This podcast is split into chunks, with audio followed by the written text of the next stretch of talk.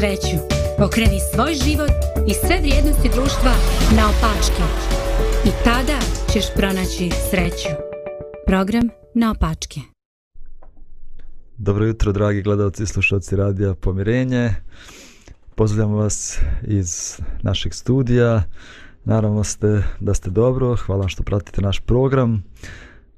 Ovog jutra vrijeme u Bosni i Hercegovini je takvo da negdje pada kiša, negdje pada snijeg. Uh, Nadamo se da se radujete ovoj snježnoj sezoni. Milan, evo ti trčiš, pa ne znam da li ti to smeta. Trčao sam sinoć, ovaj, kišica je padala cijelo vrijeme, ali eto nije me spriječilo. Aha. ja se još uvijek nije strašno hladno, ali vidit ćemo kako će biti poslije.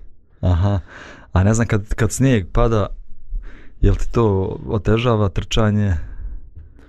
Otežava, da. Ovaj, e, recimo, ako je suv snijeg, može se nekako Aha. lagano trčkarat po njemu, ali ako nije, mora se, moram čekati da se nešto očisti ili neka staza ili, ili ulica ili negdje, onda da bi se moglo trčati. Inače, inače nije baš preporučljivo.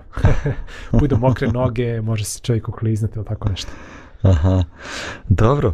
Ovaj, pa ništa, evo, Mogu da preporučim da se prevratiš na zimske sportove. njima, njima ne smeta snijeg kakav god bio. Bitno je da ga samo ima. Ja se radujem, eto meni djeca jutro pišu, oni nisu ovdje, tamo su u Novom Sadu, tamo isto pada snijeg.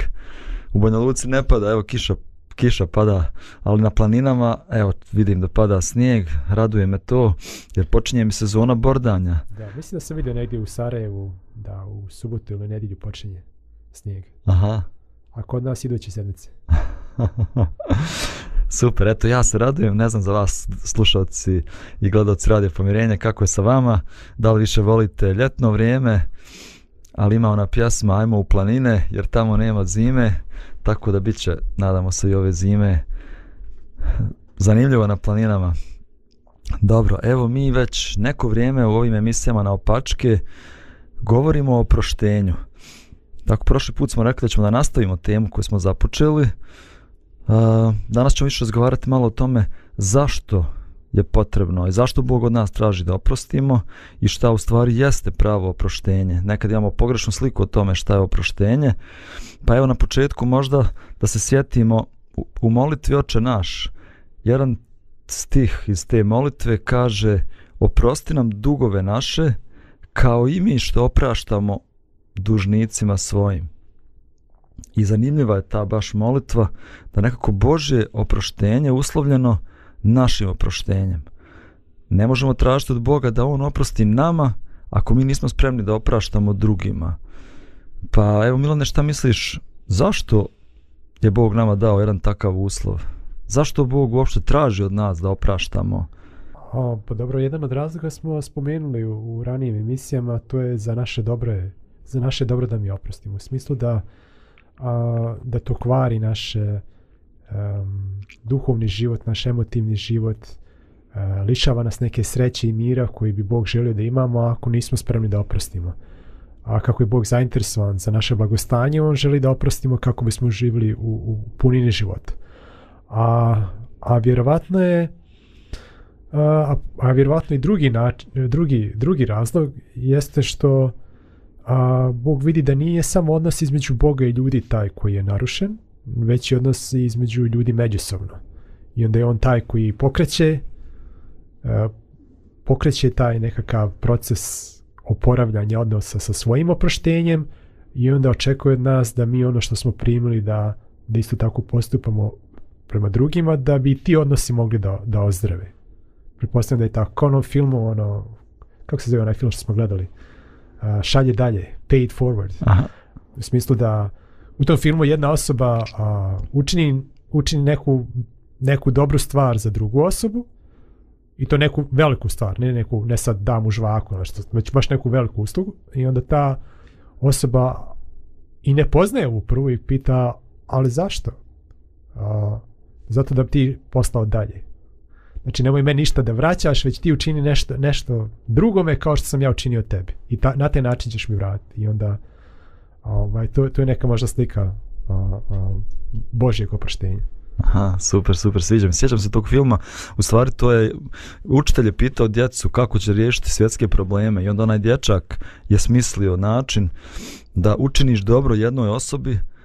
Ne, učiniš dobro... Tri osobe. Za tri osobe, jeste. Mm -hmm i onda njima kaže šalj dalje da oni to isto čine i onda u filmu stvarno se to čuda poče dešavati u tom gradu kad su ljudi tako poče da čine dobro jedni drugima sjećam se tamo uh, onaj čovjek jedan doživio tako neko dobro djelo i sad on šta će da uradi pokloni auto nekom ne strancu ovaj da zanimljiva, zanimljiva je slika uh, pa ja isto to mislim uh, oproštenje prvo nas oslobađa. Ja znam po sebi, kad god sam povrijeđen i onda kad se bavim time, razmišljam o tome kako je, zašto je to uradio, kako je mogao to da uradi. Ovaj, jednostavno mene to opterećuje, eh, donosi kod mene neke negativne emocije u moj život, stvara od mene osobu koja postane eh, ljuta, gnjevna, uh, I onda se to prenosi na odnose sa drugim ljudima. I definitivno je da za naše dobro, za naše zdravlje je važno da možemo da oprostimo. A naravno, to će uvijek pomoći i u našim međudskim odnosima, koji su često zaraženi ovaj, konfliktima, problemima, spremnost da praštamo će doprinijeti da imamo dobre odnose sa drugim ljudima. Ali opet nam je to teško i nije jednostavno to uraditi. Ja sam prije, eto, prije desetak dana sam doživio da jedan moj rođak me povrijedio, stvari optužio me za, da sam ja kriv za nešto se dogodilo, a ja smatram da je ušte nisam kriv za to.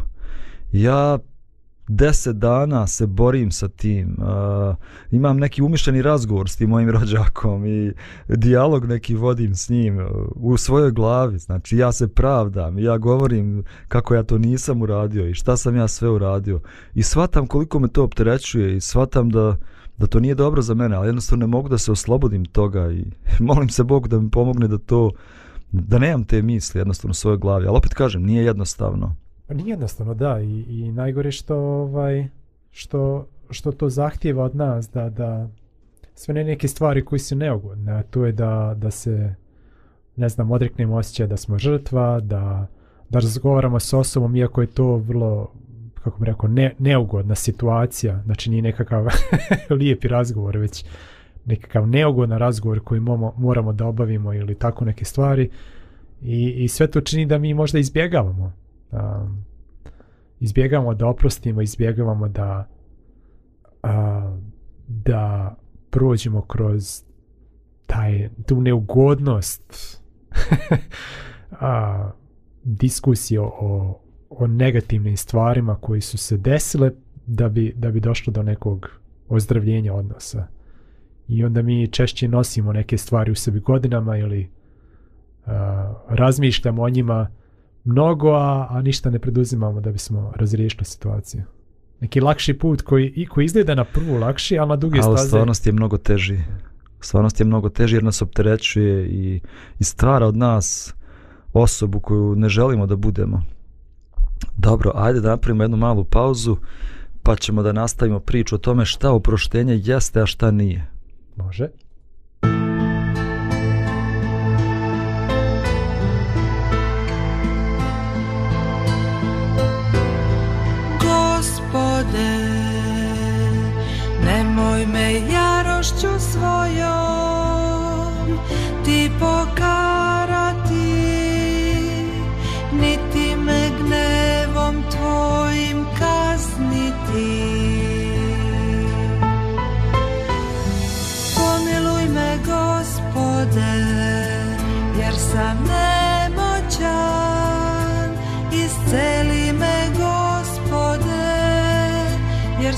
drhtale kosti moje i duša moja je uzdrhtala jako, a ti gospode dokle ćeš? Obrati me gospode, izbavi dušu moju, spasi me radi milosti tvoje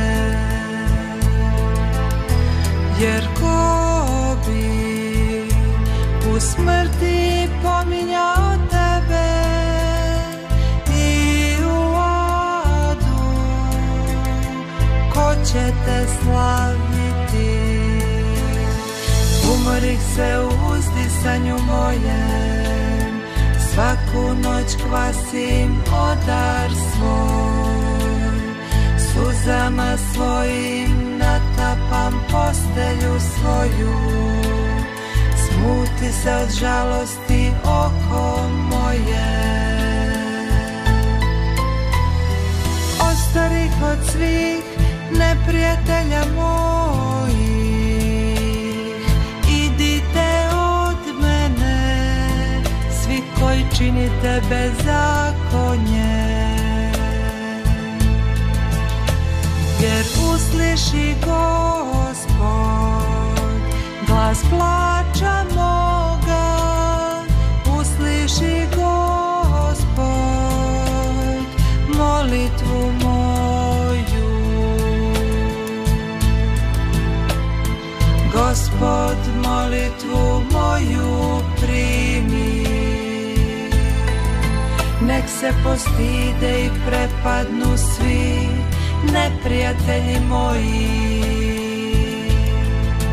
nek se povrate i postide odmah.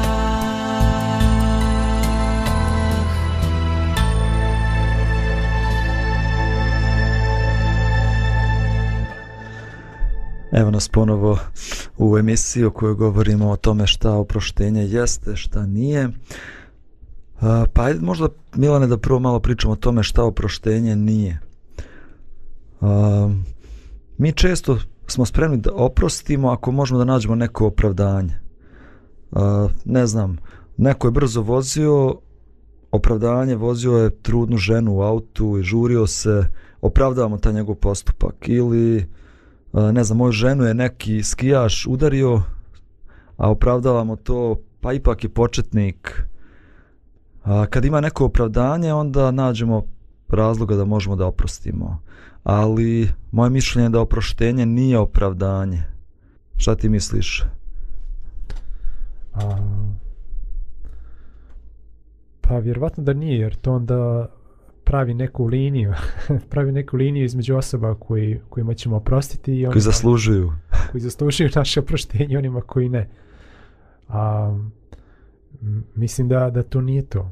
I, i I, I sad kad kažeš da oproštenje nije opravdanje, pada mi na pamet da, da mnogi ljudi kažu uh, kako ja u smislu neko je, ne znam, učini nešto, nešto jako loše, recimo udari u nekog autom ili tako neko ozbiljno povrijedi ili čak usmrtio meni blisku osobu, kako ja sad toj osobi da oprostim, to znači da ta osoba ne treba da ispašta zbog toga što je uradila. Znači to ne znači to. ta osoba i dalje treba da odgovara pred sudom, da možda ide u zatvor, a to već je oproštenje a, moj lični odnos prema tom čovjeku, da li ću tog, to čovjeka da mrzim, da mu želim sve najgore, da ne želim ikada da ga vidim u životu ili ću biti spreman da da na neki način smognem snagu i radi, i radi sebi i radi njega da, da oprostim. Jer vjerovatno da, ta, da taj čovjek ne, nije baš srećan s tim što je uradio. Uh, a nisam nija srećan što nosim uh, tu, tu mržnju prema njemu na srcu. U tom smislu mm -hmm. je oproštenja. Mhm. A taj dalje čovjek treba da otuži svoju kaznu i da neki dug otplati na, na, taj, na neki taj način prema, prema zakonu i prema državi. Mm -hmm. Ok. A šta misliš o tome da li je oproštenje zaboravljanje? Ono, ima kod nas ona poslovica kaže e, vrijeme liječi sve rane. Vremenom zaboraviš ili trudiš se da potisneš u podsvijest, i pređeš preko tih stvari? A, I to zavisi od osobe do osobe. Neke osobe zaista tako funkcionišu. Kad prođe neko vrijeme, više im nije bitno. A ima osoba koje drže u sebi bijez do kraja života. znači, vrlo je nepouzdano se oslonti na naša neka osjećanja. I e sad kad osjećanja ta negativna splasnu, meni će nekako biti lako da oprostim. A šta ako ono nesplasnu? Šta ako s vremenom što više razmišljam o tome šta ako su one sve gora i gora. Znači, vrlo ne.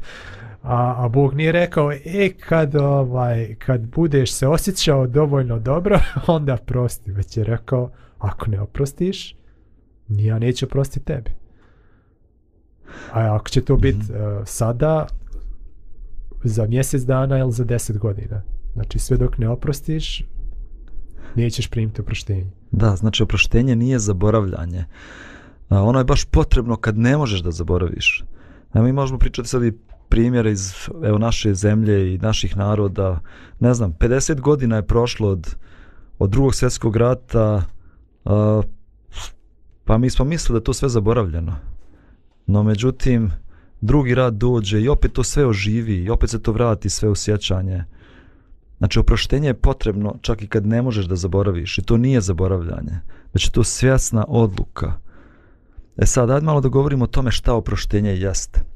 Uh, ja barem vidim da oproštenje nije, prvo nije lako, potrebna nam je božanska snaga da možemo da nekom oprostimo, ali također mislim da je i to jedan proces i da je nemoguće uh, doživiš povredu i da sad odjednom voliš tu osobu, ljubavlju i da ga zagrliš i nekako teško očekiva da tako postupamo jer ipak smo mi ljudi, imamo osjećanja koja su povrijeđena.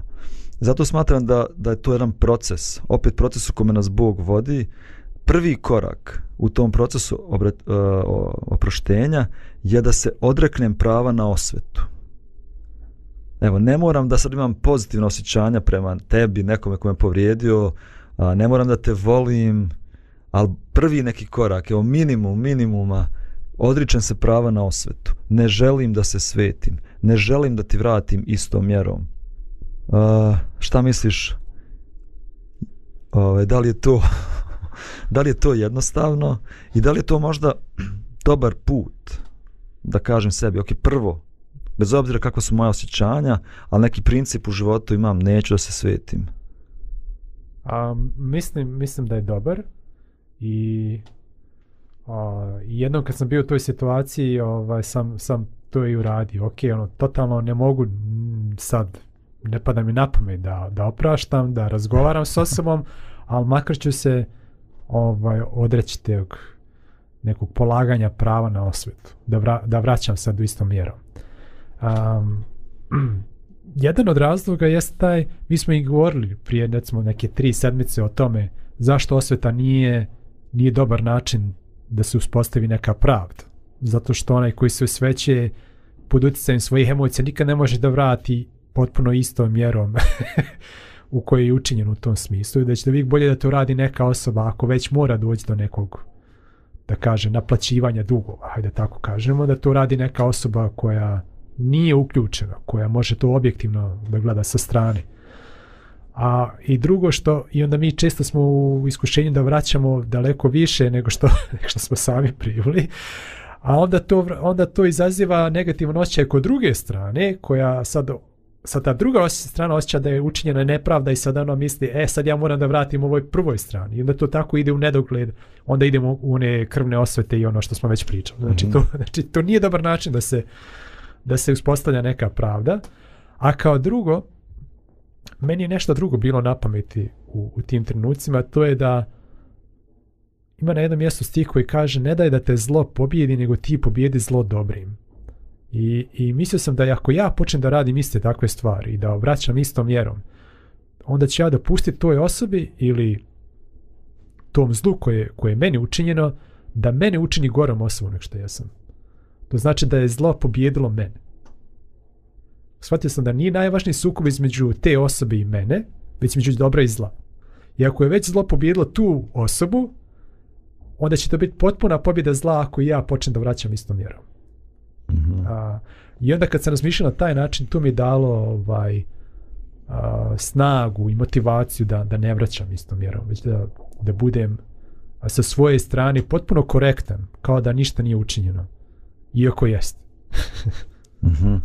Ovaj da, evo ja mogu da pričam da da spustimo tu priču o neke međuljudske odnose skroz. Eh, evo na primjer moja supruga. Ona mene nekad povrijedi u smislu ja ja ne podnosim kritiku, znači ne znam ni ja zašto odrastao sam uz oca koji me kritikovao i ne podnosim kritiku, znači ona kad meni kaže neku kritiku ja automatski znači počnem ne samo da se branim, nego da ja nju kritikujem. I baš to što si ti govorio, ona meni rekla jednu kritiku, a ja ću njoj sad reći pet nekih kritika na njen račun. A, znači, velika je stvar kad bismo bili u stanju da ne vraćamo. Ok, doživio sam to što sam doživio, a šta ću dobro, don šta, šta ću dobro učiniti? Hoću popraviti taj odnos ako ja sad uzvratim istom mjerom i još više ja Znači uvijek nakon toga nastane, nastaće još mnogo veća svađa i mnogo veće povrede će se mhm. dogoditi. Znači mudro je da se suzdržim, da ne vratim. Bez obzira kako sam povredu doživio, bez obzira e, kako zlo mi je učinjeno, ne vraćam. Znači automatski će da se ta situacija uh, smiri i neće da eskalira. Znači ako ja vraćam, baš to što ti govoriš, zlo za zlo, uh, E, vatra će samo da se raspali, e, sukob će da eskalira, bit će mnogo teže to kasnije smiriti sve. Znači uvijek je pametno, bez obzira kakva je povreda, kakva su ti osjećanja, nekad su stvarno osjećanja snažna, ali suzdrži se, izađi napolje, prošetaj, nemoj vratiti. Mm. I mislim da je to dobar prvi korak, ali nije to sve oproštenje. Oh. oproštenje nije samo ne vratiti, iako je to možda prvi korak. Mm.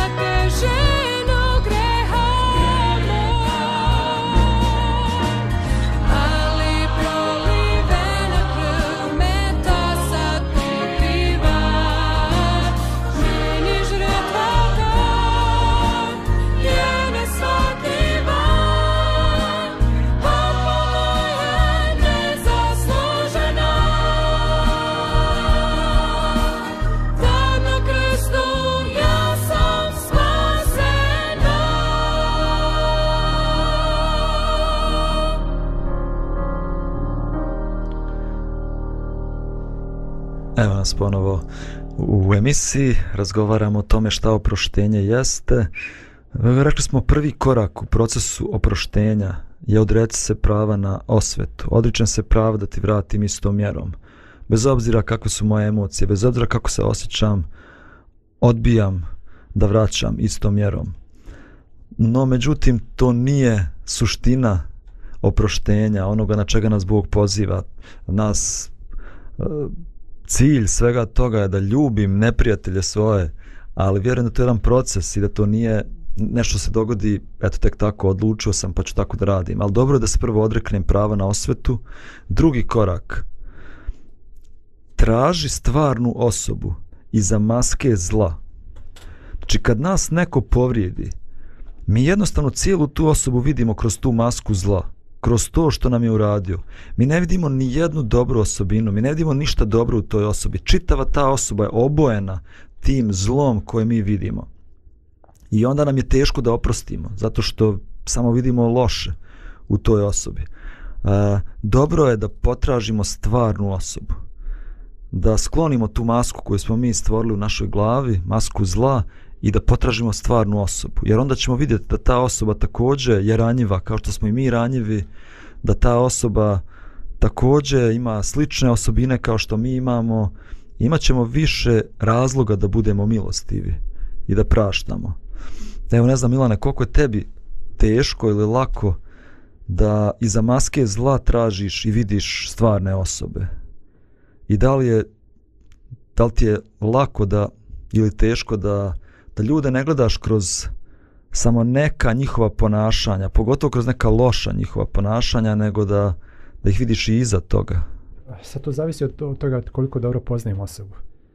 I, um, znači, zavisi od toga, od toga i možda druga stvar bi bilo koliko sam ja se u svojim mislima fokusirao na one pozitivne strane te osobe, a koliko na one negativne.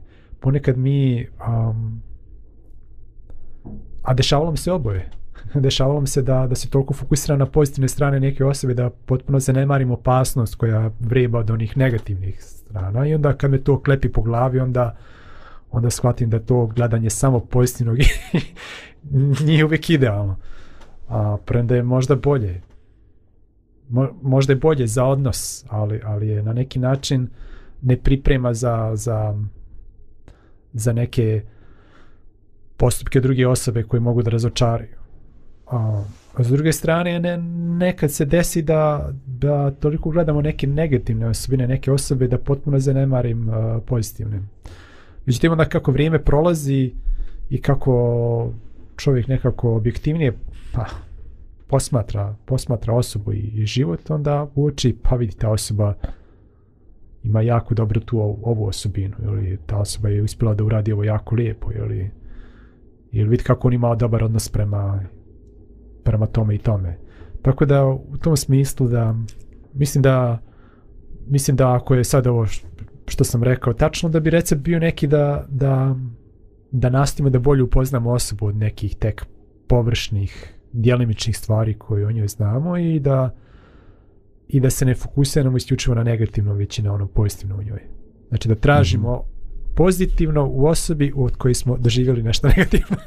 pa jeste, jeste, zato što, ne znam, evo u svakom konfliktu, evo ja sam pričao o braku, ne znam, kad se ja, kad dođe neki konflikt u braku, ili kad me Nataša povrijedi, ti jednostavno u tom momentu ti ne vidiš ništa drugo, ti samo vidiš to što ti ona uradila, ne, ne sjećaš se ni, ni, ni lijepih trenutaka, ni godišnjeg odmora, ni svega dobrog u životu, nego samo vidiš to jedno i, i prosto si gnjevan zbog tog jednog i kako je mogla to da uradi. Jednostavno, čitav njen život je obojen kroz to, to jedno dijelo.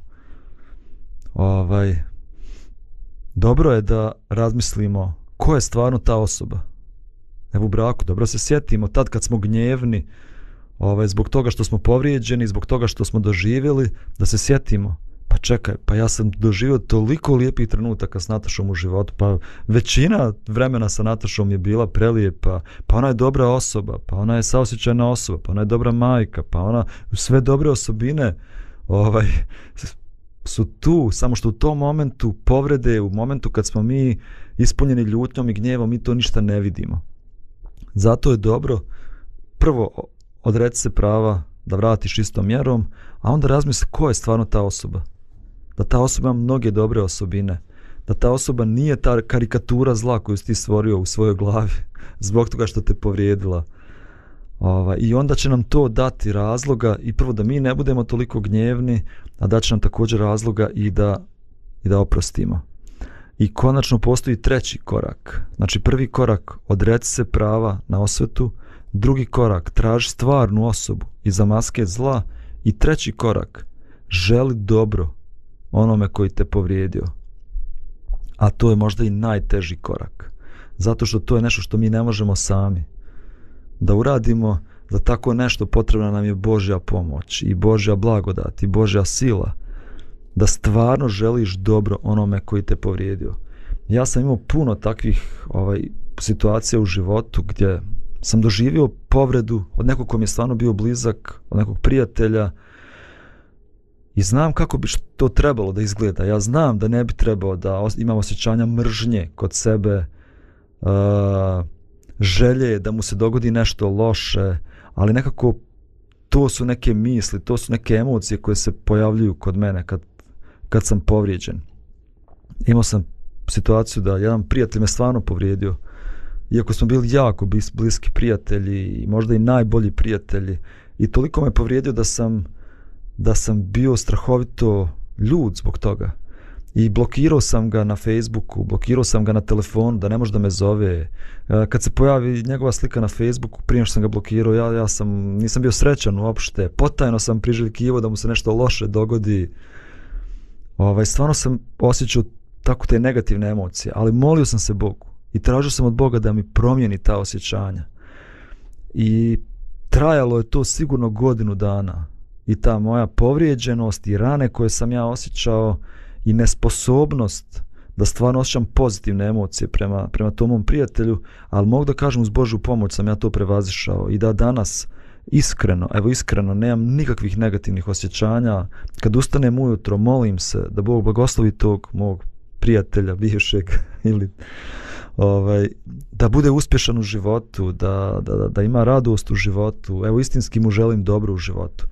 I mislim da je to suština oproštenja, vrhunac oproštenja kad želiš dobro onome koji te povrijedio, ali opet kažem, to je jedan proces. To je jedan proces i kad, kad želiš dobro nekom ko te povrijedi, onda možda znaš da je Bog radio na tvom srcu. Mhm. Sad, ovaj, kad si govori o ovome, um, ovom drugom koraku da vidimo osobu iza te, iza te maske, sjetio sam se eh, nečega, ne, ne, jedne misli da šta, šta trebamo pomisliti ili reći osobi koja nas je povrijedila. Otprilike nešto kao šta je tebi u dubini tvoje duše toliko povrijedilo da sad ti mene povrijeđeš.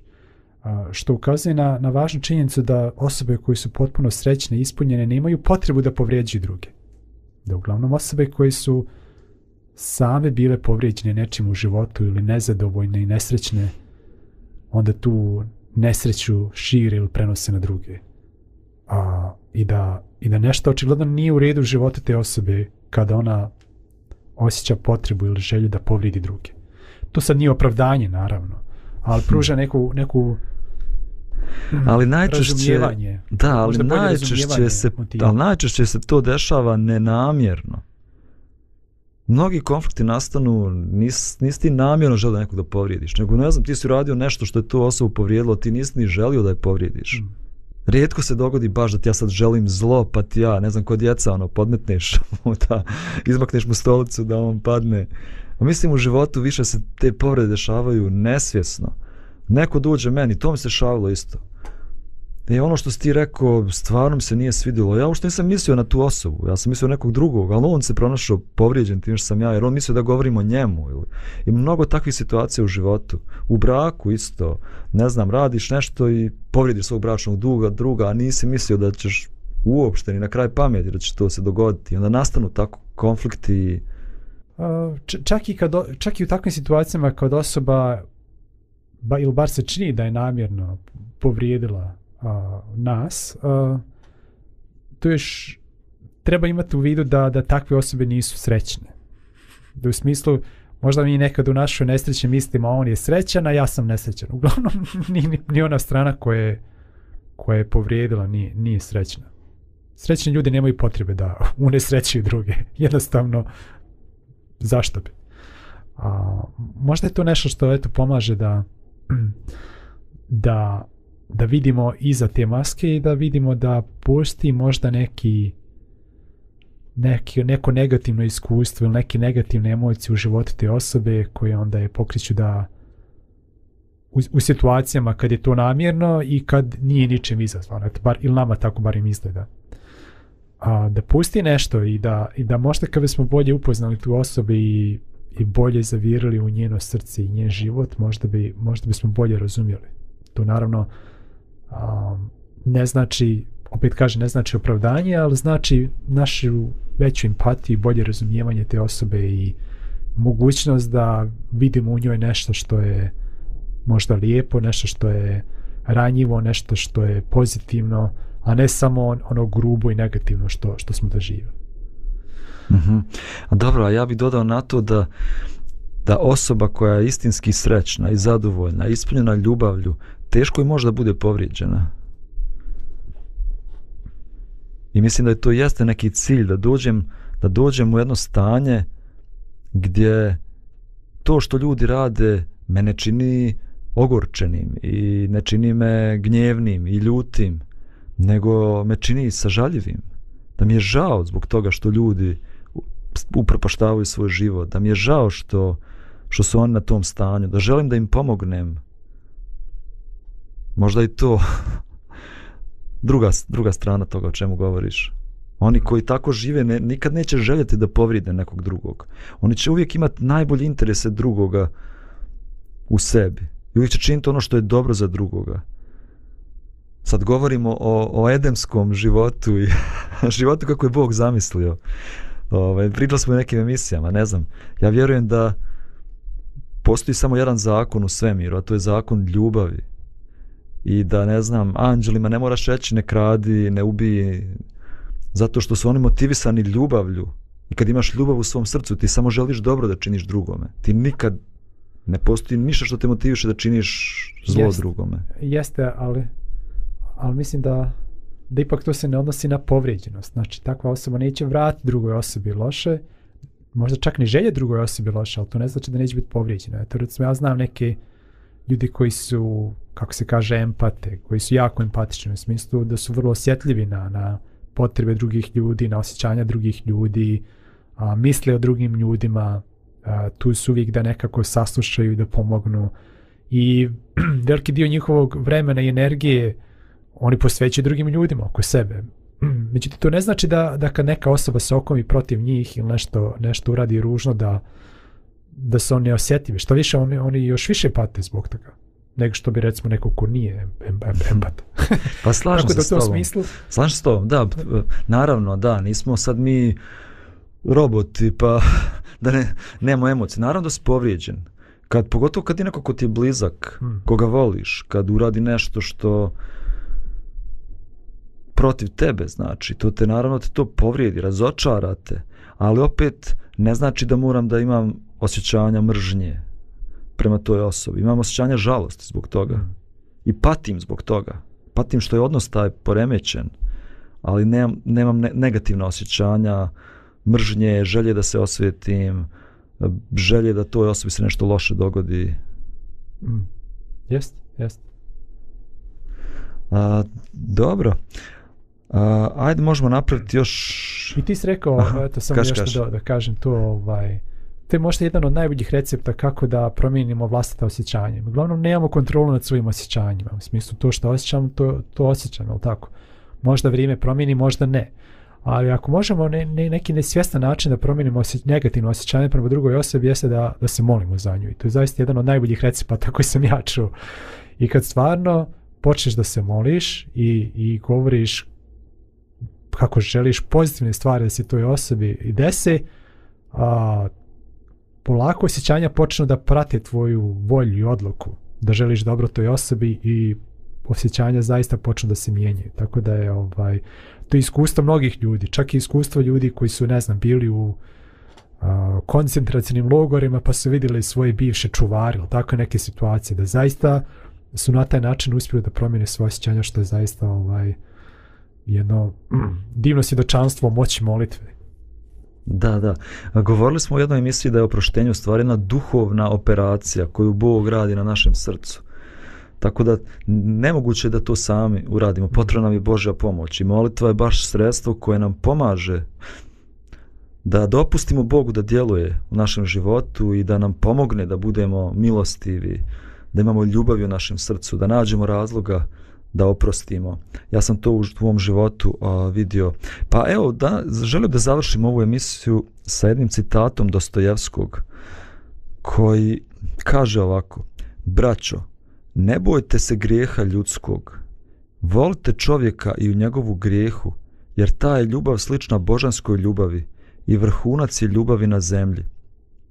Ako pred nekom mišlju staneš u nedoumici, pogotovo kad vidiš grijehe ljudske, pa se pitaš da se poslužim silom ili poniznom ljubavlju. Uvijek se radi odluči za poniznu ljubav. Ako se tako odlučiš jednom zauvijek, možeš cijeli svijet pridobiti za se. Ponizna je ljubav, strahovita snaga, najmoćnija od sviju, njoj nema ravne na svijetu. Baš zanimljivo. Evo mi pričamo tako o proštenju, Mm, zašto praštati? Zato što je to božanski. Zato što je to najmoćnija sila koja postoji u univerzumu. Koja može da mijenja svijet, koja može da mijenja ljude, koja može da mijenja naše međuljudske odnose. Zato bismo trebali da praštamo, a to nas ništa ne košta. Či znači, mhm. data nam je ta sposobnost uz Božju pomoć, ta sila da, da mijenjamo i sebe, da mijenjamo i živote drugih ljudi, da mijenjamo svijet. Ako želiš da nešto dodaš. Pa to je meni zanimljivo kako to nije samo neka religiozna priča o proštenju, već sam našao kasnije dosta nekih članaka iz psihologije koji, gdje psiholozi govore kako je važno za naše uh, blagostanje da oprostimo. I čitao sam članke koji se bavi tom temom. Zašto treba da oprostimo? Kako možemo da oprostimo? koji su apsolutno svjetovni e, kojima psiholozi pričaju kako je to bitno za, za naš i našu sreću i naše blagostanje. Tako mi to, da mi je to bilo zanimljivo da to nije neka religijzna priča u smislu aj joj šta će nama to, to neki um, ne, nenormalni zahtjevi koji se pred nas postavljaju, da to ušte nije dobro ili tako dalje, ali u principu um, realnost, životna realnost potvrđuje da ono, da ono što Bog kaže da, da je zaista uh, da je zaista dobro za nas. Mm -hmm, hvala te. Evo nismo spominjali, govorili smo o proštenju drugima, ali koliko isto važno oprostiti sebi. Mm. Da neki ljudi godinama, godinama, decenijama ne mogu da oproste sebi nešto što su učinili u prošlosti. Koliko je to važno za naše zdravlje da oprostimo sebi. Jeste. Dobro. Ove, ovaj, eto, nadamo se da ste s pažnjom slušali ovo o čemu smo Milan i ja danas razgovarali. Nadam se da ćete razmišljati o ovim stvarima, da ćete razmišljati ko su ljudi kojima trebate da oprostite, da li možda i sami sebi trebate da oprostite, da ćete da praktikujete za početak ova tri koraka. Odreci se prava na osvetu. Traži stvarnu osobu iza maske zla. Moli se Bogu da želiš dobro toj osobi. Želim vam lijep i ugodan dan. Slušamo se i gledamo se ponovo sutra. Pozdrav. Lijep pozdrav.